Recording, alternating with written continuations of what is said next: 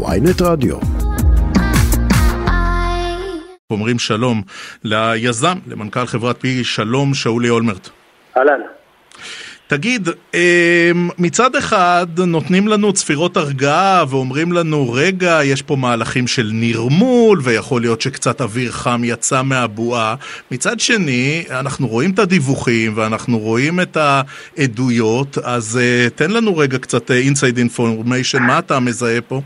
כן, מאוד קשה להגיד. תראו, אין ספק שהצמיחה המואצת של ההייטק, בעיקר בשנה החולפת, הייתה מהירה מדי, היא הייתה לא פרופורציונלית ונדרש תיקון כדי להחזיר אותה, להחזיר את השוק לפרופורציות הנכונות. אבל תהליך התיקון לא מתבצע בפינצטה, זאת אומרת, זה לא שככה מזהים את הנקודות שבהן אה, קצת הגזימו ומלטשים, אלא איזה מין צונאמי אה, גורף כזה שסוחף את כולם, פוגע גם בחברות הטובות וגם בחברות הפחות טובות, ורק אחרי שעובר הגל הזה אפשר לראות מי, מי נשאר בחיים ומי לא ולהתחיל לשקם.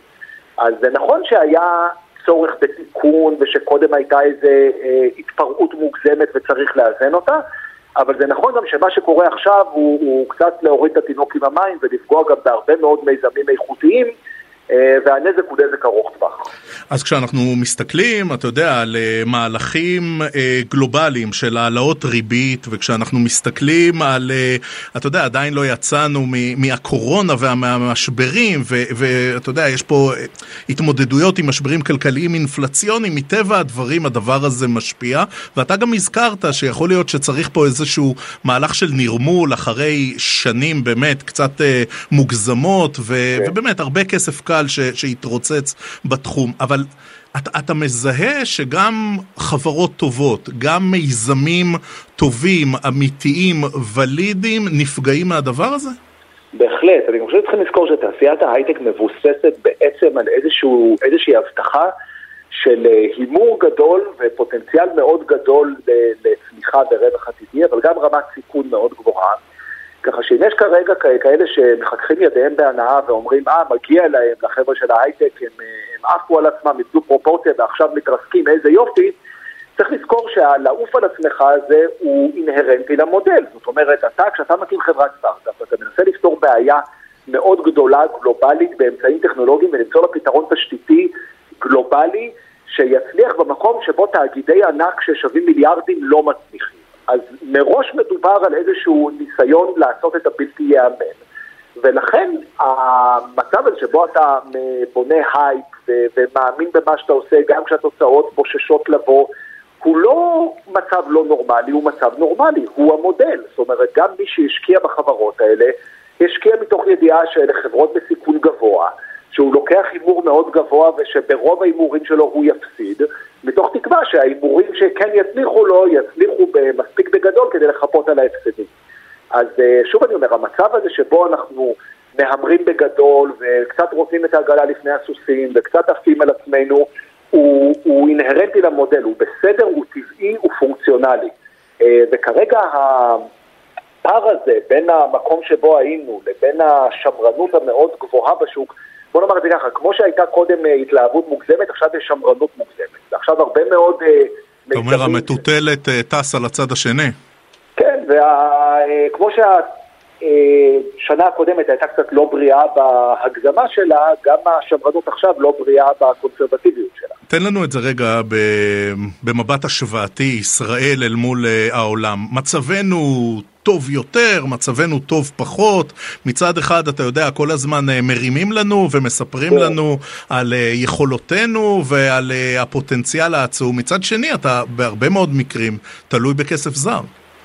תשמע, ישראל נמצאת באיזה תהליך נורא מעניין בשנים האחרונות, שהרבה אנשים קוראים לו מ start-up nation ל scale-up nation. זאת אומרת, הקמנו המון המון סטארט-אפים, אבל הקמנו כל כך הרבה שחלקם כבר גדלו להיות חברות גדולות ומבוססות, ועכשיו אנחנו מתחילים לבנות כלכלה של חברות גדולות, לא של חברות אה, קטנטנות, וזה תהליך שאנחנו עוברים, והתאגידים הגדולים, החברות הציבוריות הגדולות בישראל, אולי ספגו מכה בגודל השוק שלהם, ואולי גם הן גייסו uh, כמה מאות או אולי כמה אלפי עובדים יותר מדי, ועכשיו הם עושים קיצוצים, אבל מדובר בחברות שיש להן מקורות הכנסה יציבים, הן לא חברות בועה, הן לא אקספרמנט, הן לא איזשהו... Uh, היפותזה שמשחררים לחלל האוויר ומקווים שזה יעבוד, הן חברות מבוססות ורציניות והן ישרדו את המשבר. אז יכול להיות שיהיו משקיעים שרכשו את המניה שלהם במחיר מסוים והמחיר לא יאמיר אף פעם לאותן רמות והם יפסידו, אבל בסך הכל אלה חברות יציבות שגדלות שיש להן מה להציע. אה, לצד זה יש הרבה מאוד חברות יותר קטנות שאולי לא, לא ייתנו להם את הסיכוי, ואני חושב שכאן החשש הגדול שלי בראייה מקרו של כלל התעשייה, שכרגע השמרנות היא כזו שלא נותנים סיכוי להרבה דברים שלחלקם יש פוטנציאל מאוד גבוה לצמוח ולהקים את, ה, את או את חברות הענק הבאות. אה, ומזה אני מאוד חושש. אז בישראל יש ריבוי של חברות כאלה, אה, וכרגע יש כבר נתונים ראשונים שמעידים על זה שכמות ההשקעות ורמת ההשקעות ומספר הסטארט-אפים שמוקמים הולך וקטן. וזו בעיה, כי אם לא נשקיע עכשיו בסטארט-אפים, אז עוד 5-10 שנים לא יהיו לנו יוניקורן. שאולי אולמרט, אה, שאלה נוספת. תראה, אנחנו אה, תמיד מדברים על תעשיית הטכנולוגיה הישראלית שהצליחה אה, מבלי שהממשלה תהיה בה מעורבת, כמו שהיא מעורבת פה בכל כך הרבה אספקטים אחרים בכלכלה, אבל פה נשאלת השאלה, טוב, מה המדינה יכולה, צריכה לעשות? כן, כן האירוע הכלכלי פה הוא אירוע גלובלי, אף אחד לא חושב שזה ייחודי לישראל, אבל נשאלת השאלה, מה ממשלה, גם עם חוסר חוסר יציבות שיש פה והוא קצת אה, אינהרנטי, מה צריך לעשות? אז תראה, קודם כל זה מאוד רומנטי, אבל לא מדויק להגיד שהתעשייה צמחה ללא עזרה או התערבות אה, רגולטורית ממשלתית. אל תהרוס סיפור טוב עם כן, עובדות. יש כל מיני אה, הטבות מס וכל מיני אפיקי השקעה שנוצרו, כל מיני מבנים מיסויים ואחרים שנועדו לעודד את ההשקעה בתעשייה הזאת ומאוד מאוד הצליחו. תראה, יש הרבה אה, רעיונות שנזרקים לחלל האוויר. בתקופת הבועה המואצת או הצמיחה המואצת שחווינו עד לפני אה, חצי שנה או שנה בערך, היה נגיד לחץ גדול מצד התעשייה לאפשר יבוא של מדענים זרים, לאפשר אה, ויזות עבודה למהנדסים ומדענים שמגיעים ממדינות זרות כדי לכסות על המחסור בכוח אדם המקומי. כרגע פוטרו כל כך הרבה אנשים שאף אחד לא מדבר דווקא על הנושא הזה. אה, אני חושב שקשה לי לשים את האצבע על הדברים, הפעולות המדויקות שהייתי ממליץ עליהן, אבל באופן עקרוני אנחנו צריכים אה, להמשיך לעודד אה, השקעות הון, אנחנו צריכים לתמוך בחברות, לתת איזושהי תמיכה ממשלתית ציבורית לחברות כדי לעבור את השלבים הקשים כרגע, את השלבים ההתחלתיים, כדי שהם יוכלו להוכיח התכנות ולהפוך בתקווה לחברות יותר גדולות. ואני מניח שהצעדים כאלה יעשו, כדרכה של רגולציה היא קורית לאט מדי ומסופל מדי ועם הרבה פוליטיקות ואינטרסים בדרך.